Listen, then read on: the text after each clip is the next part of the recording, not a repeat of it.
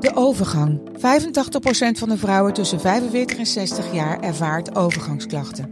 Klachten die kunnen leiden tot een verkeerde diagnose of langdurige arbeidsongeschiktheid. Wat kun je doen als je overgangsklachten ervaart? Hoe maak je dit bespreekbaar op je werk? En als jouw medewerker bij jou komt, wat kun je als werkgever dan doen? Sector Instituut Transport en Logistiek heeft een kennisplatform ontwikkeld waar jij terecht kunt voor tips en adviezen. Wil je er meer over weten? Kijk dan eens op stl.nl/slash overgang. Hey, ik snap dat je je podcast wil luisteren, dus ik zal het kort houden. Want als jij het belangrijk vindt om duurzame keuzes te maken, kan ASR misschien helpen. Nou hoor ik je denken, hoe dan? Nou, bijvoorbeeld bij het duurzaam herstellen van schade. Of de premies die we beleggen volgens ons duurzaam beleggingsbeleid. Dat bepaalt waar we wel en juist niet in investeren. Wil je meer weten over welke duurzame keuzes ASR maakt? Ga dan naar asr.nl slash duurzame keuzes. ASR doet het. Zo, dan kan je nu lekker naar je podcast luisteren. De stroom.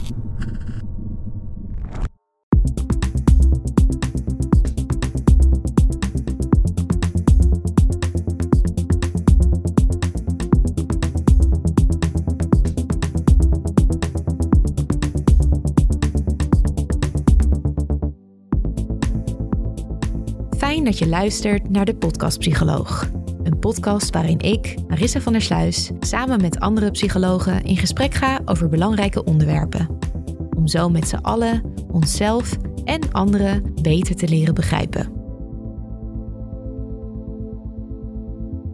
We krijgen er bijna allemaal mee te maken in ons leven. Een ingrijpende gebeurtenis die alles even op zijn kop zet. Gelukkig komen we hier vaak zelf weer overheen. We krabbelen op en geven het een plek. Maar wat als dat niet lukt en je trauma je dagelijks leven blijft belemmeren? Wanneer spreken we van een posttraumatische stressstoornis? En hoe ziet een traumabehandeling eruit? Vandaag hebben we Susie Matthijssen uitgenodigd om daarover te praten. Susie Matthijssen is klinisch psycholoog, wetenschapper verbonden aan de Universiteit Utrecht en staat aan het hoofd van een intensief traumabehandelingsprogramma van het Altrecht Academisch Angstcentrum. Daarnaast is ze vicevoorzitter van de vereniging EMDR Nederland. Zo, Susie, welkom. Ik ben heel blij dat je er bent vandaag om uh, te praten over een zo'n belangrijk onderwerp als trauma. Ja, dankjewel. Jij uh, hebt echt een hele hoop dingen gedaan op dit gebied. En ik was eigenlijk benieuwd hoe jij zo geïnteresseerd bent geraakt in dit onderwerp. Ja, ik uh, heb tijdens mijn uh, opleiding heb ik al uh, mijn thesis geschreven over mensen die de tsunami hebben meegemaakt. Oh. Nou, dat vond ik zo ontzettend indrukwekkend. Ik heb ook stage gelopen bij een afdeling voor angst en stemmingstoornissen. Zag daar ook redelijk wat PTSS voorbij komen. Dus een posttraumatische stressstoornis. En uh, ja, dat, dat boeide me gewoon enorm. Er is zoveel wat mensen mee kunnen maken, maar er is ook zoveel veerkracht in mensen. En er is ook zoveel mogelijk qua behandeling. Dat uh, ja, bleef een beetje aan me plakken. Ja, dus, daar wil je meer over weten. Dat wilde ik zeker, ja. ja. En wat is jou bijgebleven over die mensen die de tsunami hebben meegemaakt? Ja, verschillende dingen.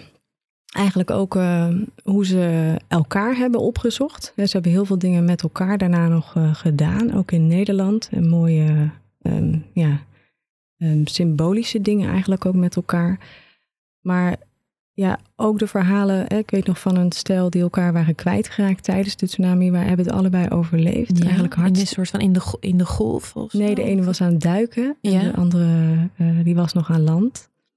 Ja, die hebben elkaar dus later wel weer teruggevonden. En Oh. uh, ja, uh, die ene mevrouw bleek zwanger te zijn. En dat was een stel. En zij voelt zich ongelooflijk schuldig eigenlijk dat zij het had overleefd. En dan ook nog zwanger was, terwijl zoveel mensen waren overleden. En dat vond Oh. ik zo naar, ja, naar om te zien dat, dat zij dat gevoel zo had. ja. En dan denk je, ja, dat, dat schuldgevoel en ook, ook schaamte is iets wat ik heel veel terugzie, ook nu bij uh, slachtoffers van trauma eigenlijk, of van misbruik. Mhm. Ja. Dus toen, ben je besloten, toen heb je besloten om daar uh, meer mee te gaan doen, om daar je missie van te maken, hè? want dat is het wel echt. Inmiddels is het wel echt mijn missie geworden, ja. ja. Mhm. Want wat zou je willen bereiken? Nou, ik leg me heel erg toe op het uh, onderzoeken dus van verbeteringen in traumabehandelingen. Dus Mhm. uh, nou ja, dat doe ik onderzoeken in het uh, lab hè, bij de Universiteit Utrecht. Of ik doe uh, in de praktijk onderzoek. Ja. Onder andere dus bij het Altrecht Academisch Angstcentrum. Maar ik behandel ook mensen. Dus we hebben een intensief traumabehandelingsprogramma. En ja, ik probeer eigenlijk door die, die combinatie... Hè, dat ik dingen klinisch kan testen, maar ook in het lab zeg maar, dingen kan uitzoeken over werkingsmechanismen, probeer ik eigenlijk zo steeds aan die knoppen te gaan draaien van Mhm. traumabehandeling, dat we het nog effectiever kunnen maken en dat we Ja. mensen nog sneller beter kunnen maken. Want Nog De beter kunnen helpen. ja, want de lijdensdruk is gewoon vaak gigantisch. En eh, hoe sneller je daar verlichting in kan brengen, hoe beter, denk Ja. ik. Het is ook heel mooi werk en dankbaar werk. Ja, heel mooi werk. Ik ga nooit meer wat anders doen. Nee.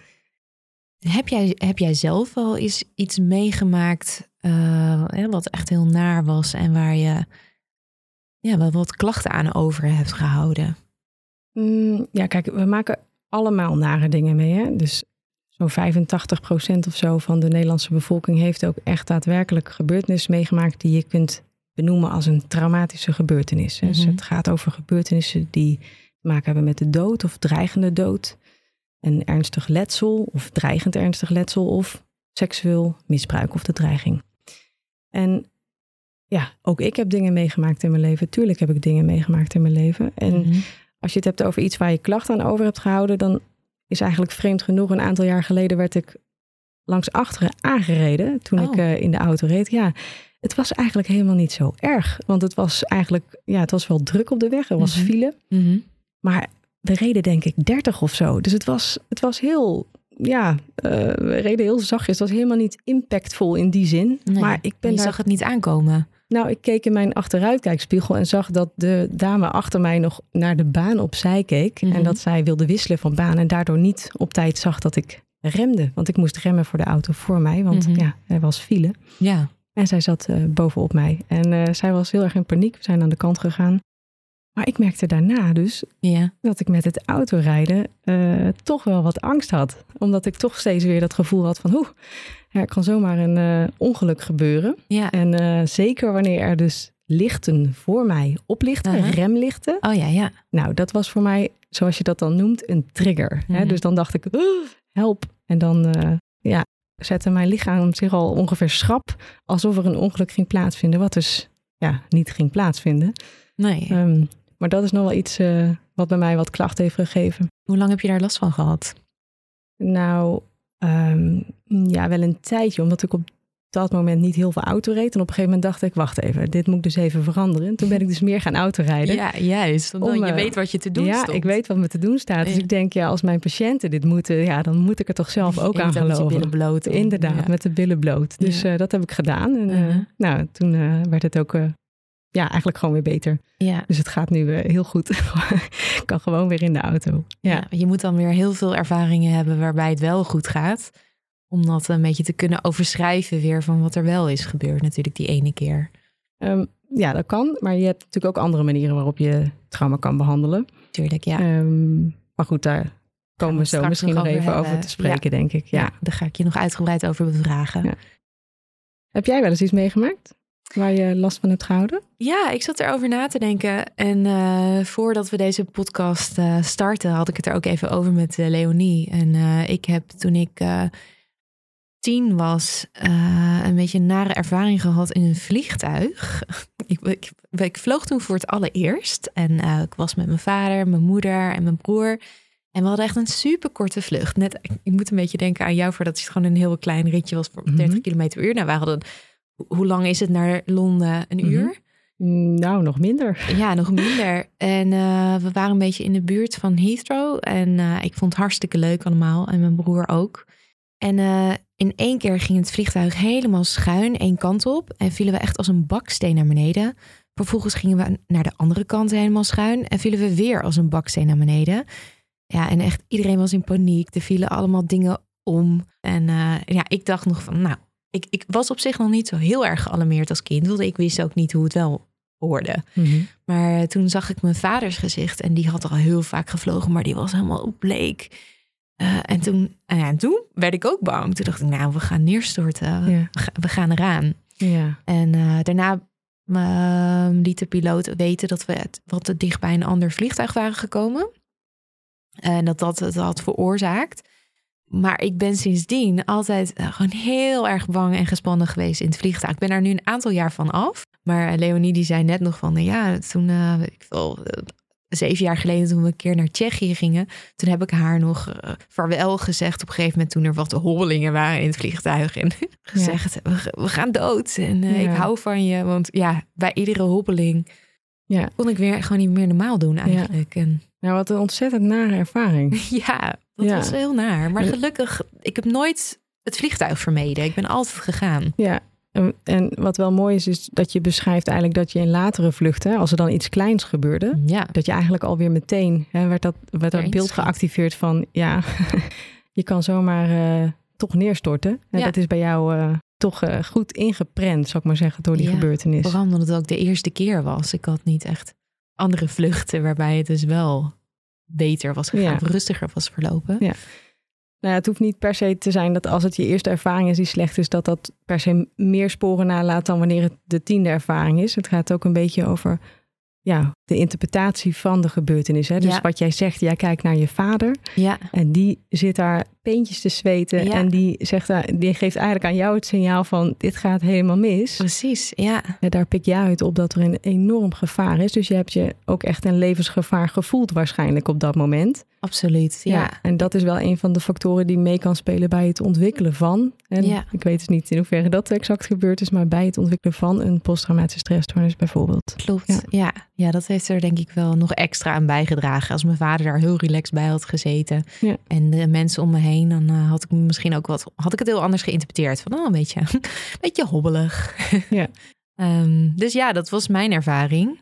En ja, we hebben het nu over twee van dit soort ervaringen gehad. Wat, wat zijn nou situaties die door de meeste mensen als traumatisch worden ervaren? Ja, begrip trauma is een beetje, ja, wordt een beetje wisselend gebruikt. Hè? Dus je mhm. hebt zeg maar het dagelijkse gebruik. Ja, ik ben getraumatiseerd. Maar als we het echt over trauma hebben, wat zeg maar ja, volgens de regels zeg maar als trauma klassificeert, dan gaat het wel echt over eh, dreiging of feitelijk meemaken van dood, uh, ernstig letsel of seksueel ehm, geweld. En ehm, dat kan zijn door het zelf mee te maken, mhm. maar het kan ook zijn door er getuige van te zijn. Dus te zien dat het iemand anders overkomt. Het mhm. kan ook zijn dat je het gehoord hebt, hè? dus dat jij gehoord hebt dat een vriendin van jou iets is aangedaan of een familielid. Mhm. Daar maak jij dan ook hè, beelden van in jouw hoofd. Um, maar het kan ook nog zo zijn dat je bijvoorbeeld een medewerker bent van de NS of bij de politie. Ja. Uh, en dat je echt herhaaldelijk uh, wordt blootgesteld aan de gevolgen van um, um, deze traumatische gebeurtenissen. Dus als jij bijvoorbeeld menselijke resten moet opruimen op het spoor, mm -hmm. uh, of als jij bandopnames moet kijken van pedoseksuele netwerken bijvoorbeeld om ja. iets op te sporen, mm -hmm. dan kun je je voorstellen dat je er veel van meekrijgt. Ja. Nou ja, het is dus niet zo dat alleen die gebeurtenissen kunnen zorgen hè, voor klachten. Want het kan ook zijn hè, dat er minder heftige uh, dingen kunnen veroorzaken dat je klachten houdt. Hè? Mm -hmm. um, en sommige dingen zijn trouwens wel net zo heftig, maar mm -hmm. klassificeren net niet in die categorie. Precies. Ja. ja dus bijvoorbeeld ernstige pestervaringen kunnen dat ook zijn. Ja. Hè? Of um, uh, mensen die bedrogen zijn, kunnen ook dit soort klachten hebben. Ja. Dat ze daar beelden van hebben uh, van wat de ander gedaan heeft. Ja, en ik, ik zat nog net nog even te denken. Het, volgens mij gebeurt het ook wel eens dat mensen in eerste instantie iets niet als dramatisch ervaren, maar dat er dan later dat ze nieuwe informatie krijgen en dat ze dan ineens daarnaar die situatie kijken van wow, ja. wat me nou is overkomen. Ja. Uh, dat is eigenlijk toch best wel heel raar of heftig. Ja. En dan dat ze dan alsnog getraumatiseerd kunnen raken. Is dat ook zo? Ja, dat is zeker zo. Um, kijk, het, als we het dan even bijvoorbeeld hebben over. Um, er is een tijd geleden was er weer een man ergens actief in het um, nou ja, misbruiken van mensen in, uh, ja, op een openbaar terrein, zou ik maar zeggen. En dan kun je bijvoorbeeld denken, als je daar voorbij bent gefietst en je zag iemand en die riep jou en jij zei, joh, houd je mond. Mm-hmm. En je bent snel doorgefietst en je leest de volgende dag in ja. de krant uh, dat uh, daar iemand is omgekomen of mm-hmm. uh, ernstig is misbruikt en geslagen en achtergelaten. Ja. dan kan die informatie in jouw hoofd inderdaad ertoe leiden dat jij toch daar klachten van krijgt. Ja, dat kan zeker. Mm-hmm. Dat kunnen allerlei klachten zijn. En zoals we het hebben over uh, ja, posttraumatische stressklachten. En Mhm. die moeten dus wel gerelateerd zijn aan dat type gebeurtenis wat ik net uh, eigenlijk uh, zei. Ja. En dan gaat het dus over flashbacks, dus herinneringen die op kunnen komen, waarbij je echt het idee kunt hebben dat je weer helemaal in die gebeurtenis zit, alsof het weer plaatsvindt. Mhm. Nachtmerries, echt herbelevingen, eh, Ja. maar ook arousal, dus heel erg hyperalert zijn, continu Ja. opletten. Het idee dat je op wacht staat. Ja, ja, je staat heel erg op wacht. Dan klapt, valt er een deur dicht of je hoort een klap. En dan Ja. ga je eigenlijk al meteen zo zeggen mensen, heb je een slecht geweten of zo. Dus er dat zit echt kan. die schrikreactie. Ja, Die is heel sterk. Ja. ja. en vermijding. Dus vermijding wil niet alleen zeggen van bijvoorbeeld plekken, zodat je bijvoorbeeld niet meer langs dat park fietst waar je dan net ontkomen bent aan Ja. die er een man bijvoorbeeld. Maar dat wil bijvoorbeeld ook zeggen dat je misschien geen films weer meer wil kijken die erover gaan. Of Mhm. misschien eigenlijk die hele buurt wel vermijden. Of eigenlijk wil je er ook niet meer over praten. Ja, en je wil er zo. eigenlijk ook niet meer aan denken. Ja. En eigenlijk alles wat er aan doet denken. Je wil eigenlijk die fiets ook niet meer. Je wil eigenlijk, ook, eigenlijk wil ik ook maar gewoon een andere fiets. ja. Want die fiets doet me er ook aan denken. En En voordat je het weet, heb je een heel. Je hebt je, je leven helemaal. Heb je allemaal dingen opgetuigd om maar Ja. te, te kunnen vermijden. ja, En ben je eigenlijk je leven van daarvoor kwijt ook Ja. nog eens een keer. Heb je niet alleen maar iets ergs meegemaakt, maar ben je ook nog eens een keer. Ja, je, je, je leven kwijt. En een deel van jezelf misschien. ja, ja, dat, Dat erg. komt veel voor. Mensen zijn zich soms niet eens meer zo bewust van al die vermijding.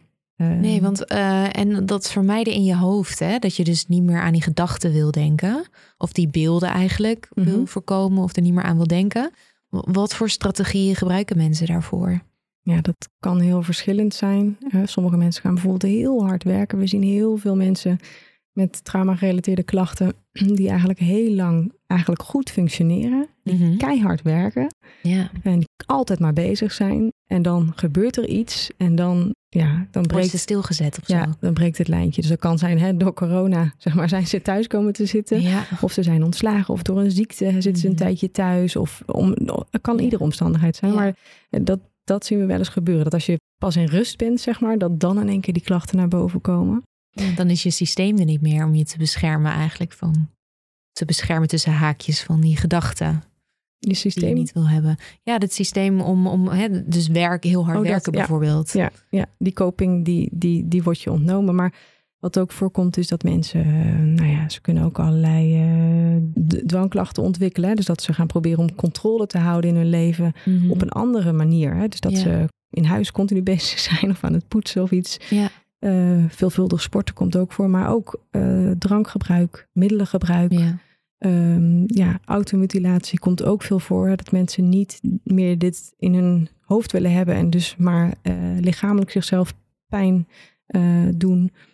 Ja, die voorbeelden zijn er ook echt wel legio. En ja, drank- en drugsmisbruik eh, komt ook veel voor Mhm. bij Ja. PTSS. Zeker. Ja. ja Om jezelf ook te kunnen Ja. verdoven. zeker. Ja.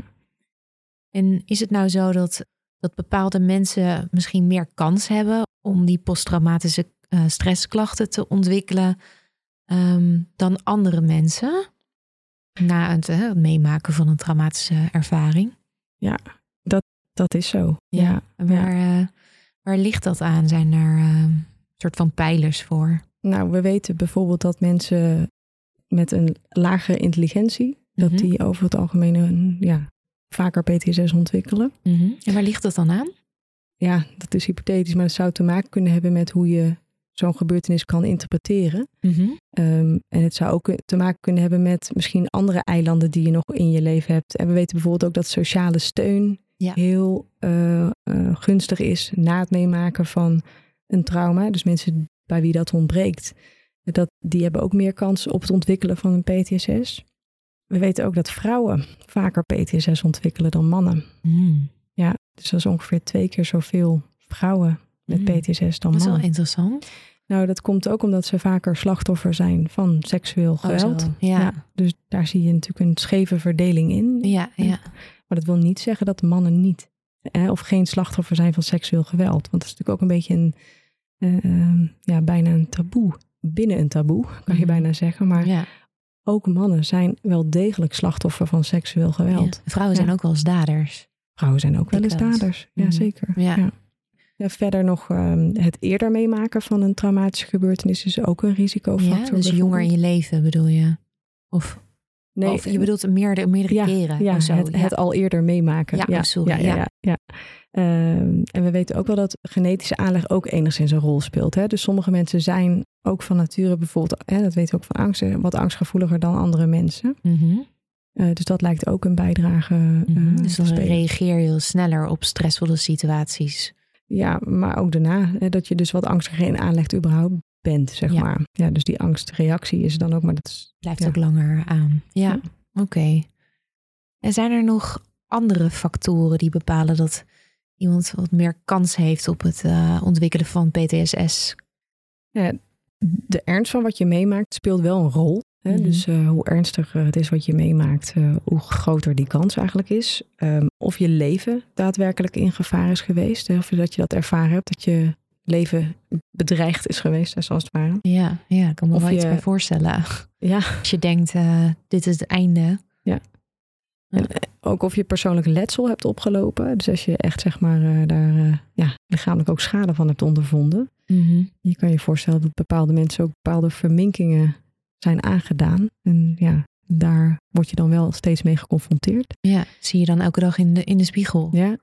En we weten ook dat gebeurtenissen die te maken hebben met fysiek geweld en seksueel geweld, Mhm. dat die een veel groter risico geven op het ontwikkelen van PTSS dan bijvoorbeeld het meemaken van een natuurramp. Mhm. Ja, dus we weten van een natuurramp dat die kans ongeveer zo'n 6% is bij alle mensen die het meemaken. En bij seksueel geweld lopen die cijfers, dat is een beetje verschillend welke onderzoeken je bekijkt, maar die kunnen wel oplopen tot 25%. Mhm. En waar ligt, waar ligt dat dan aan? Dat dat, dat dat percentage dan zoveel hoger ligt bij eh, geweld en seksueel geweld? Ja, dat heeft toch ook echt te maken met hoe je die gebeurtenis dan daadwerkelijk zelf beleeft. Mhm. Ehm, ja, dus het kan zijn dat die levensbedreiging daarmee te maken heeft. Maar dus dat persoonlijke letsel kan daar natuurlijk ook mee te maken hebben. Maar ook dissociatie speelt een rol. Hè? Dus we weten dat ehm, als er eh, meer dissociatie is als een reactie op Ja. dat wat er gebeurt. Dus, Wat ja, is dissociatie? dissociatie? Ja, dat is een goede vraag. Hè? Dat is eh, eigenlijk dat je bijvoorbeeld in zo'n soort van freeze-toestand kan raken. I- iedereen kent wel dissociatie. ja? Mhm. Als je bijvoorbeeld op de snelweg rijdt en je denkt, huh, ben ik nou al hier? Dan heb je eigenlijk een soort van stukje gemist, even als Ja, het ware. Nou, ja. Dat is eigenlijk ook al dat je heel even, zeg maar, gedissocieerd, dat je eventjes weg bent. Ja, ik heb dat tijdens het hardlopen heel vaak. Nou, dat ik hele stukken heb gemist. Ja, ik hoop niet dat het al te groot anders wordt het een lange weg weer terug naar huis, of niet? Ja, soms denk ik wel, shit, ben ik al hier? Ja, maar is ook wel weer positief. ja, dat is ook wel weer positief. Ja. Ja. Ehm, maar goed, dus de, de- iedereen kent dat, maar eh, de treedt even uit je lichaam, als het ware. Of, eh, Ja, je, je bent niet meer echt zo heel aanwezig. Je kunt, je, kunt een, eh, een, eh, eh, je bent zomaar even weg van, van het hier en nu, als Ja. het ware. Je zit er Mhm. niet meer nu in het ja, gesprek of in, in de Ja. gebeurtenis. En als je dat meemaakt als reactie op de gebeurtenis, dan is de kans ook iets groter dat je PTSS kan ontwikkelen. Ja. Dus er zijn echt wel een aantal risicofactoren die ervoor zorgen dat je een vergrote kans hebt op PTSS. Zowel voor, tijdens hè, of na het meemaken van een traumatische ervaring. Maar gelukkig ontwikkelen de meeste mensen geen PTSS. Dat klopt helemaal. En we hebben het net al even gehad over eh, wat voor klachten je zou kunnen overhouden eh, nadat je een traumatische ervaring hebt meegemaakt. Dus ehm, die herbelevingen, bijvoorbeeld overdag of in de vorm van nachtmerries. Ehm, maar ook die, oh, die eh, ja, schrikreacties eh, die, eh, die verhoogd zijn na afloop en die ook blijven voortduren. En tegelijkertijd dat mensen di- dingen gaan vermijden op allerlei gebieden. Ehm, maar zijn er ook nog andere symptomen die je kan hebben? Ehm, ja, bij, bij posttraumatische stressstoornis is er eigenlijk nog een ander cluster van symptomen. En dat gaat over je stemming en over je, nou zo heet dat met een mooi woord, cognities. Ofwel je gedachten eigenlijk. En je ziet dat mensen heel vaak, ehm, nou ja, toch wat stemmingslachten krijgen. Maar ook dus cognities en gedachten ontwikkelen over zichzelf. Of over anderen of over de wereld. Bijvoorbeeld één ding daarvan is hè, dat mensen zeggen ik ben schuldig hieraan bijvoorbeeld. Hè. Eh, dat zou kunnen of anderen zijn niet te vertrouwen. Of de wereld is een slechte plek. Ja, Eh, dat ontstaat dan nadat ze dat hebben meegemaakt. Dus eigenlijk veranderen die cognities of nou, één cognitie. Kijk, ehm, ja, dat is, dat is niet voor iedereen hetzelfde natuurlijk. Maar ehm, je moet je voorstellen als jij tegen je kindje hebt gezegd: Nee, ga nu maar even buiten spelen. Want ik, ik moet nu echt even koken. Ga maar even, nou hup, ga maar even spelen. En je kind wordt doodgereden. Ja. Ehm, je hebt geen schuld, want ja, jij kan daar niks aan doen. Uiteraard dat jouw jouw kind aangereden wordt. Nee. Maar toch ervaar je dat zo. Ja. Hè, dus dat kan zijn dat je dan, waarom heb ik nou, waarom? En hè, dat zelfverwijt kan zo enorm zijn. Mhm. Ehm, maar wat je ook veel ziet is, hè, nou, we hebben het net al even over, hadden het over seksueel misbruik. Hè, dus dat, dat komt gewoon echt heel erg veel voor. En wat ik ook heel veel zie in de praktijk, is dat ja, als het zeker als het over jonge leeftijd gaat, dat er al heel snel tegen kinderen gezegd wordt dat ze dat zelf willen. eh, of dat ze het fijn vinden, of dat ze het hebben uitgelokt. Mhm. Hè, als jij dit niet had gedaan, of als jij Ja. dit, dan had ik het niet gedaan. Hè, dus dat heel vaak de verantwoordelijkheid daarvoor ook bij een kind wordt gelegd. Mhm. En dat blijft dan hangen natuurlijk. Ja, wie moet je anders geloven? Ja. Als kind is een volwassene natuurlijk ook de, de Ja. enige die je kan vertrouwen. Dus Ja, wat, wat ook nog wel heel verwarrend kan zijn, is dat mensen, hè, zeker bij seksueel misbruik, ervaren ze soms lichamelijke symptomen. Mhm. Hè, dus je merkt dat mensen, eh, ondanks dat ze echt wel denken en voelen van ik, ik wil dit helemaal niet, Mhm. dat hun lijf anders reageert. Dus het kan zijn dat ze eh, vochtig worden hè, voor vrouwen of eh, mannen krijgen een erectie ja. of, of mensen komen klaar. En dat Mhm. gebeurt ook gewoon. Ja, dat En- gebeurt automatisch. Dat gebeurt automatisch, Ja. ja. En mensen voelen zich daar achteraf vaak heel schuldig over of schamen zich daarvoor. Maar ja, het is eigenlijk heel belangrijk dat mensen weten dat dit een normale fysieke reactie Mhm. is van het lichaam. ja. En dat dat niet betekent dat je dat op dat moment had gewild of Nee. wilde. Nee, zeker niet. Nee. Nee. valt me ook wel eens op dat, dat sommigen zeggen dat ze ervan balen of zich schuldig voelen of zich schamen dat ze niks hebben kunnen doen, dat ze iemand niet hebben weggeduwd. Ehm, maar dat dat vaak ook voortkomt uit een stressreactie, uit, een, uit het vriezen, Ja. dus het bevriezen. Ja. Eh, en dat heel veel mensen dat ook niet weten, Ja. dat je daar niks tegen kan doen. nee. Mensen zijn gericht op overleven. Mhm. Ehm, dus je doet in principe in eerste instantie van alles om te overleven. Ja. Dus het kan zelfs zo zijn dat je de dader aanmoedigt om eh, nog iets bij je te doen, of om iets bij hem te doen of bij haar te doen, Ja. zodat diegene maar tevreden is. Dat je als een maklammetje meeloopt, dat je stil blijft liggen tijdens, eh, tijdens het misbruik, of dat je n- niet terugduwt als iemand jou slaat.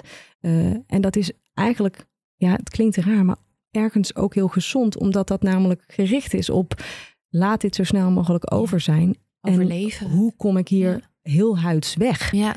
Ehm, en mensen denken dan, ja, maar ik had toch terug moeten duwen. En denk ik, ja, oké. En dan had je dat gedaan. En wat was er dan gebeurd? Mhm. Zeg, ja, nee, dat, dat nou ja, oké, misschien, maar, maar toch, ik had het moeten. En dan zeg ik, ja, oké, maar hè, je, dit is, het is eigenlijk heel normaal dat je de weg van de minste weerstand voor die dader zoekt, zodat die maar rustig en gedwee weer jou met rust laat. Ja. En werkt dat dan ook als je dat tegen mensen zegt? Want mijn ervaring is ook wel dat dat vaak ook niet doordringt. Door dat gewoon één keer te zeggen van, eh, of meermaals te, te vertellen eigenlijk. Ja. Dat het niet anders kon op dat moment. Ja, het helpt wel vaak als mensen dan bedenken hoe het voor een ander zou zijn. Hè, dus dan helpt Mhm. het soms, Om soms heb- perspectief te wisselen. om perspectief te wisselen. Ja, dus dan eh ligt eraan of mensen bijvoorbeeld zelf kinderen hebben. Dan zeg je ja, oké, heb jij kinderen? Ja, ja, nou, die is ook zes. hè. Mhm. Oké, en vind je dan dat hij of zij dat dan wel? Nee, nee, nee. Oké, want ja, nou ja, dat is nog hoe, hoe moet hij dat weten? En die, die moet hartstikke bang zijn eh, als dat eh, tegen hem of haar wordt gezegd. Oh, oké. En was jij dat dan misschien ook? Ja, was ik ook. Eh, maar ook volwassenen. Hè? Dus als een vriendin van jou dit was overkomen, Ja. vind je dan dat zij daar schuldig aan is? Vind je Mhm. dan dat zij iets had moeten doen? Mhm. Dan kijken er mensen. ineens een soort mildheid, hè? Ja, ja, compassie. ja. Mensen zijn toch vaak heel hard voor zichzelf. ja. En dat komt misschien ook omdat je uiteindelijk eh, een soort. eh, het is zo erg wat je is overkomen dat je er ook een bepaalde betekenis aan probeert te geven. Misschien iets wat wij mensen vaak proberen te doen. Betekenis aan de gebeurtenis. Ja, dat is, omdat het, het is zo erg. Dus misschien heb ik dan iets verkeerd gedaan. Ja, ja, en dat is natuurlijk iets wat we heel veel bij kinderen sowieso zien. Dat ze vaak de schuld bij zichzelf leggen sowieso al. Ja. Dus dat kan, Mhm. eh, kan ook gaan over totaal iets anders. Over scheiding van ouders bijvoorbeeld. Ze zoeken vaak de schuld bij zichzelf. Ehm, ja, dat... dat, dat ja, kan natuurlijk ook bij volwassenen kan ook, hè, dat ze de schuld bij zichzelf legt. Het is niet alleen bij Nee. kinderen zo. Nee, nee. Oh zeker. en wat vaak, ehm, wat ja, helaas vaak voorkomt, is dat als mensen getraumatiseerd zijn, Ja. dus eenmaal één keer iets hebben meegemaakt, dat ze eigenlijk weer makkelijker slachtoffer zijn van het nog een keer meemaken. Mhm. Ehm, ja, en dat maakt natuurlijk wel als het veelvuldig gebeurt, dat mensen dan misschien nog meer geneigd zijn om te denken dat zij daar zelf iets aan ehm, hebben gedaan. En dat is eigenlijk niet zo. Mhm. Het is vaak dat mensen niet op een normale manier iets geleerd hebben. Mhm. Ehm, en dat is dus niet iets van henzelf, maar dat is hen niet geleerd. Dat is hen aangedaan eigenlijk als het gemist ware. eigenlijk. En dat maakt dat ze weer in dezelfde situatie terechtkomen.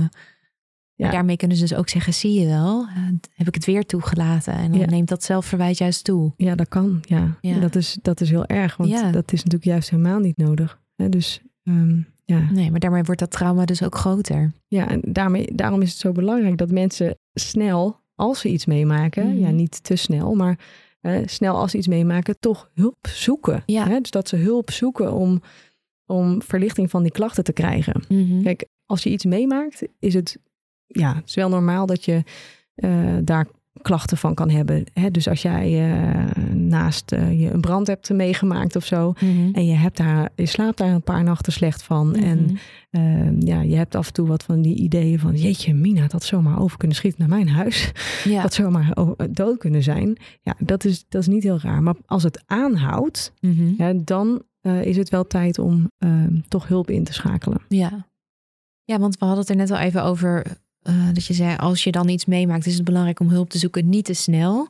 Stel je nou voor dat je iets ergens meemaakt. Bijvoorbeeld eh, vannacht wordt er bij mij ingebroken en staat er een eh, inbreker in mijn huis. En het, ja, dat is natuurlijk super angstaanjagend. Ja, En ehm, nou goed, die inbreker rent wel weer mijn huis uit en het komt goed.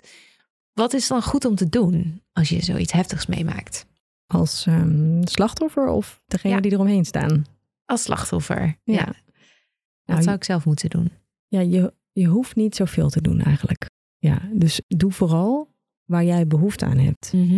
Hè, Er zijn mensen die zeggen, ja, je moet erover praten. Nee, Mhm. dat hoeft helemaal niet. Het mag wel. Ja. Ehm, er Maar er is toch ook wel zo'n onderzoek geweest dus dat als je het al heel uitgebreid helemaal gaat vertellen, Ja. dat het dan juist ook wel wat, wat erger kan worden. Ja, zeker. Ja. Ja, dus ehm, hè, dat, dat, eh, onderzoek, ja, dat is, is me bekend. Hè? En, en, en wat ze daar gedaan hebben, is een uitgebreide debriefing, zoals dat heet. Hè? Ja. Mhm. En ehm, nou, wat daarvan blijkt, is dat dat niet zinvol is, inderdaad. En dat zelfs de klachten inderdaad ervan kunnen toenemen. Maar En wat is een debriefing? ja, dus dan ga je na het gebeuren, ga je zeg maar helemaal doornemen en bespreken van, nou, wat is er gebeurd? En, eh, en met mensen ook delen hoe je je voelt. Maar ja, wat, als je dat doet, hè, dat werd dan in een groep gedaan, eh, dan hoor je dus ook van anderen eh, hun verhalen. Ja, dat is best wel soms intrusief ook weer om te horen. Ja. Je staat er misschien ook heel erg voor open op zo'n moment. Ja, je hoort ook misschien wel weer kennis van, oh, dit had dus ook nog kunnen gebeuren. Hè? Ja. Dus wat je, we hebben misschien die piloot in dat vliegtuig bij jou, die zei, we hebben net eigenlijk uit zijn uitgeweken voor een ander toestel. Ja. En dan zit in jouw hoofd, oké, blijkbaar kunnen toestellen dus tegen elkaar aanvliegen. Ja.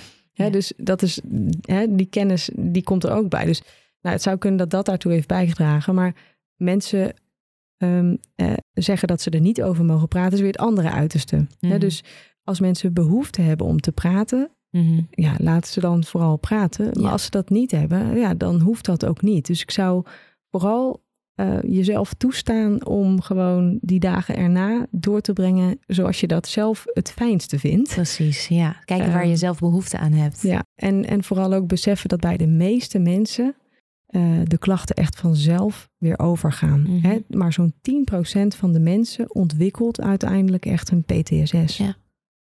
Sommige mensen schrikken ook wel van het feit dat ze in de dagen daarna misschien nog eens een keer eh, nachtmerries kunnen hebben of zich meer schrikachtig voelen. En ook wel eens een keer een meisje in behandeling gehad en die was er eigenlijk zo van geschrokken dat ze dat had. Dat ze dacht, ik, ja, ik moet whisky drinken, want ik, word, begin, begin gek te worden. Ja. Alleen toen ik wat uitlegde over wat er met haar gebeurde en eh, dat dat er ook wel bij hoorde, dat, dat gaf er eigenlijk zoveel rust dat het Ja. daarna ook heel snel weer over is gegaan. Ja, en dat is denk ik ook heel belangrijk wat je zegt. Hè? Dat jij die rust een beetje ook aan haar gaf eigenlijk door die kennis te geven aan haar. Juist, ja. En heel veel mensen raken in paniek. Hè? Zo van, oké, als je iets naars hebt meegemaakt, dan gaat het ook mis met jou. Hè? Ja. Dan zul je ook wel klachten krijgen. Getraumatiseerd raken. Dus ik krijg, ja, ik krijg heel veel doorverwijzingen van mensen die dus wel trauma's hebben meegemaakt. Ja, maar die daar niet direct een PTSS aan hebben overgehouden. Dan zeggen ze, ja, is getraumatiseerd, heeft trauma's meegemaakt, Moet moet, traumabehandeling. Ja. Ja. dat hoeft, hoeft niet. Nee, Ja. we zijn vaak gewoon veerkrachtig genoeg om, eh Zeker. om daarmee te kunnen Ja, omgaan. dat, dat is het positieve van dit verhaal. Ja,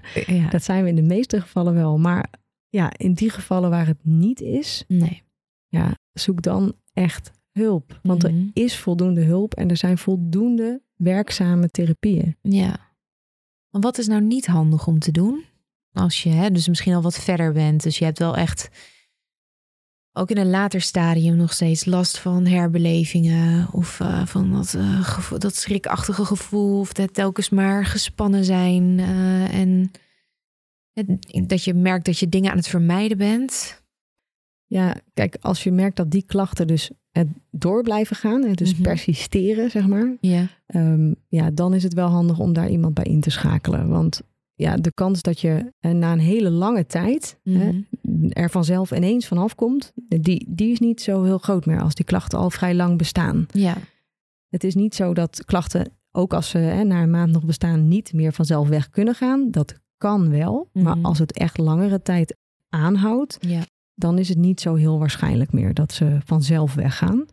Ja, en wat je dan het beste kunt doen, is dus wel eh, zorgen dat je bij een behandelaar komt die kennis heeft van trauma, die, die verstand heeft van het behandelen van hè, een posttraumatische stressstoornis, Mhm. die er ook goed voor opgeleid is. Want er zijn ook echt een heleboel mensen eh, die zeggen dat ze het kunnen, maar die hebben eigenlijk geen goede opleiding daarvoor genoten. Of ehm, ja, die, die, die noemen zichzelf een EMDR-therapeut bijvoorbeeld, maar hebben geen opleiding echt gedaan die erkend is bijvoorbeeld. Nou, dat, dat is natuurlijk voor de mensen die dat wel hebben gedaan een doorn in het oog, want die willen graag de kwaliteit hoog houden en dat is dan vervelend als andere mensen ehm, ja, eigenlijk dat ehm, ja, niet goed uitvoeren soms bij eh, Mhm. patiënten. Ja, dus het is goed om daar eh, Check op dat te letten of iemand eh, is opgeleid in het doen van traumabehandelingen. Zeker, Ja. ja.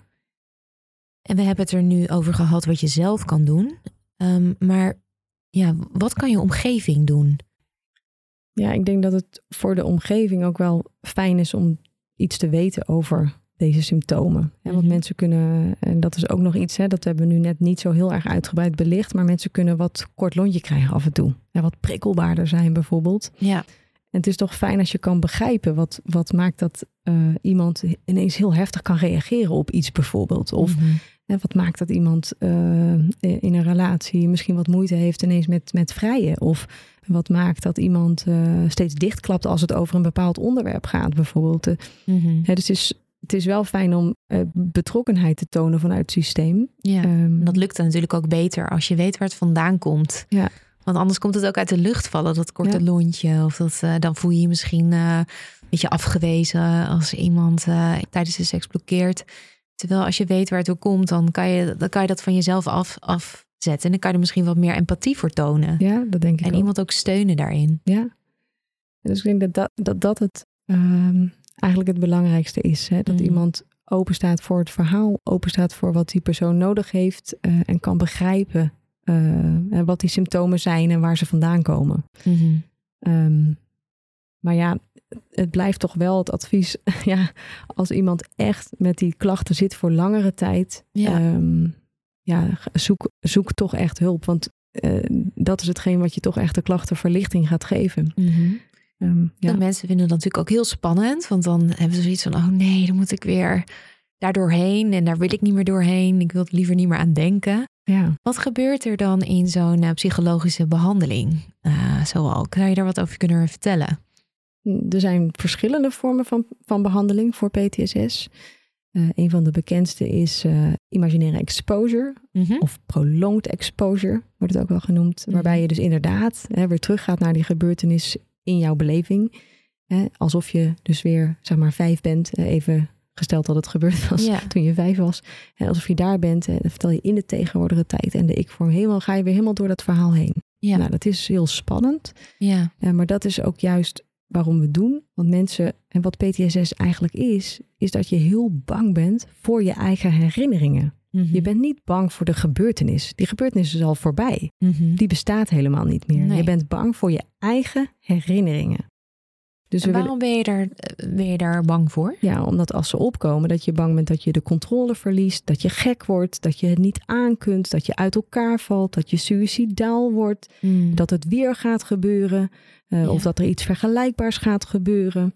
Nou, en het enige wat je kan doen en wat, wat je zelf doet de hele tijd, is die herinneringen wegdrukken. Ja, Nou, daar heb je dat, controle over. dat werkt. gevoel. Ja, nou, maar ze komen dus steeds terug. precies. Hè, als ik tegen jou zeg, niet. je mag niet aan witte beren denken, Nou ja, waar denk je dan nu aan? niks anders dan een wit, witte beren. Ja, precies. Hè, dus dat wegdrukken heeft Hm. gewoon echt heel weinig zin. Want anders waren mensen vanzelf al wel van die klachten afgekomen als Ja. het heel zinvol Ja. was geweest. Dus dat werkt niet. Nee, dus, dus wat we gaan doen is het juist ophalen. Mhm. En dan gaan mensen dus door die behandeling leren Hè, dat ze niet uit elkaar vallen, niet doodgaan, niet suicidaal worden. En dat ze eigenlijk veel meer controle hebben over die herinneringen door er steeds doorheen te gaan. En Mhm. dan neemt ook de angst en de spanning uiteindelijk, dat is niet het doel in die therapie Nee. meteen, ja, maar die neemt dan uiteindelijk ook wel weer af. Ja. Andere vorm van behandeling is bijvoorbeeld EMDR. Ja, dus dat is Eye Movement Desensitization and Reprocessing. Mhm. Een hele mond vol. Ja, hele mond vol. ja, en daarbij... ehm, Die is, dat, is- die is wel heel bekend, denk ik, nu op dit moment. ja, De naam alleen al, maar ik denk dat weinig mensen alsnog weten wat het inhoudt. Misschien kan je daar ons even in meenemen. ja. Nou, wat je daarbij doet, is dat je de nare herinneringen ophaalt. Maar dat hoeft niet zo lang als bij die therapie die ik daarnet beschreef. Mhm. Dus je doet dat wel even en je probeert hem heel goed vast te houden. Ja? En ondertussen gaat jouw therapeut gaat vragen aan jou om, en wat wij veel doen natuurlijk, is hè, met de vingers of met een lamp voor iemand de ogen snel heen en weer laten bewegen. Ja. Maar je kunt ook allerlei andere taken toepassen. Het gaat er eigenlijk om dat je niet zo goed twee dingen tegelijk kan doen. Dus Mhm. als ik aan jou vraag om heel goed aan een bepaalde herinnering te denken Mhm. en ondertussen hè, met mij dit gesprek heel goed te voeren, Ja. dan lukt dat niet zo heel goed tegelijkertijd. Want dan raak je een beetje van je concentratie kwijt in het gesprek. het al helemaal heel goed om mij af te leiden. Want ik kan helemaal niet goed twee dingen tegelijk. Dus deze therapie is voor mij perfect. Ja. nou ja, doordat die twee taken competitie voeren. Ja. En dus Aha. al die taken die jouw therapeut je laat doen. En het kan dus zijn hè, die eh, oogbewegingen maken. Maar het kan ook zijn rekensommen maken. Of eh, tellen. Of spellen van woorden. Als je werkgeheugen dus maar. Flink Goed wordt belast. Belast is, ja. Want het Ja. werkgeheugen is maar beperkt. Mhm. Hè? Mensen herkennen dat ook wel. Eh, als je tv kijkt en je wil ondertussen met iemand in je huishouden een gesprek voeren, dan lukt dat meestal niet zo goed. En dat leidt dan soms tot eh, luister je wel naar me. Hele aparte gesprekken. Ja, inderdaad. Ehm, hè, dus die twee taken voeren competitie met elkaar. Ja. En eigenlijk lukt het dan niet om die herinnering met diezelfde emotionele lading vast te houden. Mhm. Nou, en die verliest dan eigenlijk aan spanning of lading. Mhm. En die wordt dus ook weer zo, zonder die lading of spanning, terug opgeslagen in het langetermijngeheugen. Ja, dus je bent die herinnering natuurlijk niet kwijt. Je weet het nog wel, maar je voelt er niet meer die angst bij. Of misschien de schaamte of de schuld. En dat herkent ook iedereen. Want iedereen heeft ook nare dingen meegemaakt in het Mhm. leven waar die niet die knoop van in de maag krijgt. Of Mhm. die spanning voelt. Ja, denk maar eens aan eh, dat je met je vinger tussen een deur hebt gezeten, bijvoorbeeld. Daar krijg ik nu al helemaal een fysieke reactie bij trouwens. Ja, krijg je dat Ja, wel? ja ik, Oh. heb daar, ik kan er een soort bloedfobie hebben. Ik krijg meteen een laag... Oh, bloedfobie. Nou, daar hebben we nog weer iets anders om aan te werken, denk ik. Ja, maar ja, als je daaraan denkt, ja, Ja, ik probeer vroeger- er niet aan te Nou, denken. probeer jij dan te denken aan dat je vroeger een keer gevallen bent, bijvoorbeeld. eh, of dat, je, eh, dat iemand lelijk tegen je deed in de, Mhm. in de klas. ehm, of dat je met de fiets gevallen bent. Ja, Zo'n voorbeeld heb je waarschijnlijk ook wel. zeker. Ja. Ja. En als je nou daar zo aan terugdenkt, dan voel je waarschijnlijk niet meteen die knoop in je maag. En dat je denkt, oh, ik wil er niet aan denken, ik wil er niet aan denken. Nee, nee. Nou. Dat, dat, dat- je weet dat het naar was, maar voor de rest voel je er niks bij. Precies. Ja, En, daar Bij wil je naartoe. en daar wil je naartoe. Hè? Ja, dus het is kan niet ook. Ja, het kan zeker. Dus het is niet dat die gebeurtenissen niet naar zijn. Hè, dat van die fietsvallen was ook naar. Mhm. Eh, maar het gaat erover dat die emotie, die lading, Ja. losgekoppeld wordt van die gebeurtenis. Zodat Ja. die ook bij het verleden hoort, zeg maar. Ja, En niet nu nog jou het gevoel geeft alsof het nu plaatsvindt. alsof er, dan heet het, een heel schokkend plaatje op je bureaublad staat van je computer. En eh, die wil je eigenlijk gewoon in een mapje stoppen, maar dat lukt de hele tijd niet. En dat je die dan eindelijk kan opbergen ergens. Ja, hij is wel opgeborgen, maar je, je kunt kan er er ook... nog steeds bij. Ja, ik wou net zeggen, je, je kunt er ook gewoon nog naar kijken. Ja. Ja. Ja, dus we hebben het gehad over uh, imaginaire exposure, over uh, EMDR-behandeling. Zijn er nog andere behandelingen? Ja, die zijn er zeker. Um, bijvoorbeeld narratieve exposure therapie of uh, imagery rescripting, mhm. cognitive processing therapy. Wordt veel in Amerika gedaan bijvoorbeeld. ja. Uh, brief eclectic psychotherapy. Dus er, ja, en er zijn, er zijn er nog wel meer. Maar ja, degene die in Nederland het meest gebruikt worden, zijn wel imaginaire exposure en EMDR. Mhm. ja. ja, en nu in deze tijd vinden natuurlijk ook heel veel behandelingen uh, online plaats hè, door de COVID. En ik, ik heb ook wel eens mensen gehoord, cliënten die dan zeggen: Ja, ik weet het niet hoor, werkt dat nou wel zo goed? Behandelingen via beeldbellen. Mijn ervaring is dat het echt wel goed werkt. Hoe, hoe zijn jouw ervaringen? Ja, die zijn hetzelfde. Toen het ineens uh, zeg maar in Nederland kwam, toen werd eigenlijk alles eerst op slot gegooid. En uh, nee, ik uh, sta dus aan het hoofd van zo'n intensieve traumabehandeling. En dan komen mensen voor zes dagen, krijgen twee traumabehandelingssessies per dag. En nog een beweegonderdeel en psycho-educatie, zoals het dan heet. Of nou ja, een beetje makkelijker gezegd uitleggen over wat PTSS is en wat zijn symptomen en hoe kan ik daarmee omgaan. Mm En um, nou ja, toen werden we gedwongen om dat dus ja, eh, even niet door te laten gaan. Toen hebben we in twee weken tijd dat hele programma hebben we online gemaakt. Hè? Mhm. Dus behandelingen via beeld, maar ook EMDR via een bepaald programma. En waarbij je dus mensen zo'n stipje kan laten volgen. En, dan moeten ze reageren met zo'n reactietijden taakje eigenlijk. Het dwingt je ook om creatief te zijn. Heel hè? creatief. je dat niet als, als therapeut? Ja, heel creatief. wel wat hebben ook. Ja. Maar het was natuurlijk best wel spannend. Want iedereen, zeg maar alle psychologen, denken altijd van nee, het therapeutische contact en het face-to-face -face contact is toch echt heel erg belangrijk. Ja. Maar ja, uh, ja, ondertussen zit je dus een beetje klem. Want we werken met een enorm complexe doelgroep. Mensen die, mhm. die langdurig getraumatiseerd zijn. Dus een leven lang seksueel misbruik, fysiek geweld, martelingen, eh, vluchten. nou, noem het maar op. ga er maar aan staan. Dus je wil ook iets bieden. En toen hebben we toch besloten om dat programma ook online helemaal door te laten gaan. Nou, dat was natuurlijk reuze spannend. Wij zijn eerst met één patiënt daarmee zo begonnen. En die lieten uh, ja, na aflopen allemaal nul scores zien. En dat wil zeggen, uh, die had torenhoge scores bij de start. Heel veel last, heel veel nachtmerries, herbelevingen. En daarna, dus na zes dagen online, ik heb haar nooit gezien in het levende lijven. Mm Zei ze, ik heb mijn leven weer terug. Ik kan gewoon weer gaan leven. Ja.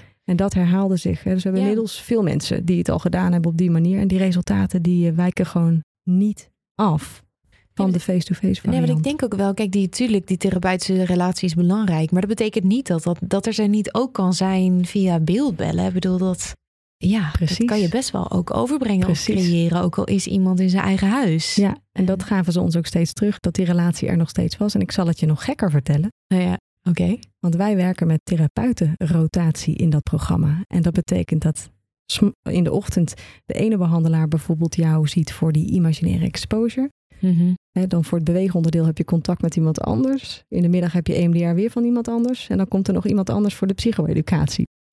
dus bij ons zien ze heel veel therapeuten. heel veel gezichten. Ja. En dat vinden de patiënten heel fijn. Mm. Ja, en die zeggen van iedereen krijg ik wat anders mee. Mm ja. Je was heel erg verrast over hoe goed het eigenlijk werkte. Die online resultaten? Ja. Ja, ik was wel meer dan verrast. Ja. Nee, ik, ik, ik, ja, ik, ik heb wel eh, heel vaak uh, aan mijn assistent gevraagd: wil je alsjeblieft even checken? Weet je, klopt dit wel? Klopt dit wel? Ja, nee, echt. Ik, uh, ik weet nog bij die eerste patiënt, ik moest, ik moest echt oprecht huilen oh. toen ik de resultaten zag. Ja. Mooi. En het betekent dus ook dat um, hè, als er mensen nu zitten te luisteren en twijfelen of ze hulp moeten zoeken, ook al is het misschien of helemaal via beeldbellen of deels, dat het echt de moeite waard is ja. om hulp te zoeken. Zeker. Kijk, als je het niet wilt, dan uh, hoeft het niet natuurlijk. Nee, en, en wij doen ook gewoon, hè, nu ook weer ook uh, op locatie, gewoon face-to-face, doen we mm. ook behandelingen. Maar hè, dat, dat we hebben kunnen laten zien dat dit mogelijk is, mm. ja, dat is natuurlijk enorme winst. Mm. Ook voor alle jaren hierna. Dat is misschien het enige positieve. Ja. Nou ja, nog wel een paar andere dingen, denk ik, wat er uit deze coronacrisis eigenlijk is ontstaan. ja. ja. Nu we het hebben over iets positiefs um, en ik ook wel met iets positiefs wil afsluiten. Wat denk jij nou wat mensen er nog eventueel uit zouden kunnen halen als ze iets traumatisch meemaken? Hè? Ik bedoel, sommige mensen zeggen: What doesn't kill you, makes you stronger. Ja. Ehm, ik ben het daar niet helemaal mee eens, want hè, dat, dat, hoeft natuurlijk niet altijd te zijn. Dat is ook lang niet altijd zo.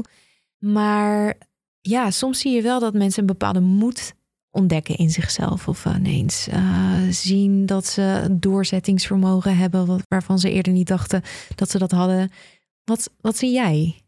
Ja, nou, ik ben het wel met je eens eigenlijk. Hoor. Dat uh, what doesn't kill you makes you stronger. Dat is in sommige gevallen wel waar, maar echt niet altijd zo. Nee. Maar ik zie wel een enorme veerkracht bij mijn patiënten. Ja, en dat is, dat is echt heel mooi om te zien. Zo en, tof is dat. Ja, dat ze echt dingen meenemen uit wat ze meegemaakt hebben. Mhm. En uh, daar soms ook weer andere mensen mee gaan helpen. Heel veel mensen willen dus zeg maar ook hun ervaring met anderen delen, zich inzetten voor andere patiënten die iets hebben meegemaakt. Mm. sommigen schrijven boeken erover. Uh, ja. ja, anderen schrijven er misschien liedjes over. Ja. Um, Dan maar wordt de wereld toch net weer even een stukje beter. Ja. Door wat jij hebt meegemaakt ja, als je daar anderen ook weer mee kan helpen, in welke vorm dan ook, mhm. of troost kan bieden, mhm. eh, ja, dan, dan, dan is dat natuurlijk wel iets moois wat je eruit kan halen. Ja, en het heeft sommigen ook aangezet tot een hele verandering in hun leven. Dat ze ja, andere keuzes zijn gaan maken daarna. Van hé, uh, hey, wacht eens even. Ik kies voor mezelf. Ik ga dit doen. Ik ga toch uh, die carrière nastreven. Of ik ga toch daar en daar wonen. Of ik ga toch dit en dat doen. Soms kan de nasleep van iets traumatisch eigenlijk juist ook iets positiefs brengen. Nou, in, in ieder geval, wat ik, wat ik wel heel veel zie, is zeg maar mensen die dan die behandeling hebben doorgemaakt, dat ze ongelooflijk trots op zichzelf ook zijn. Van hé, hey, ik heb dit gewoon maar even, ja, zeker terecht. Ja. Ik heb dit gewoon maar even gedaan. Ik heb dit volgehouden. Ik ben ervoor gegaan. Ja. Ik, ben, uh, ik ben tot het gaatje gegaan. Mm um, en ja, ik zie het zo vaak, die blijdschap van mensen dat hun leven weer begint. Tranen in hun ogen. Dat ze ja soms ook niet eens weten waar ze moeten beginnen met leven, omdat ze altijd zo gewend zijn geweest hun leven te laten leiden door nachtmerries en herbelevingen, schrikachtigheid, uh, continu alert zijn. Dus gewoon weg. Helemaal weg. Ja. dus. En dat is het mooiste van dit vak, vind ik zelf. Dat je daar aan kan bijdragen. Ja. Ik hoop dat deze podcast hier ook weer iets aan heeft kunnen bijdragen. Hoop ik ook. Ik denk het eigenlijk wel. Ik hoop het. Dankjewel voor uh, dit mooie gesprek. Graag gedaan.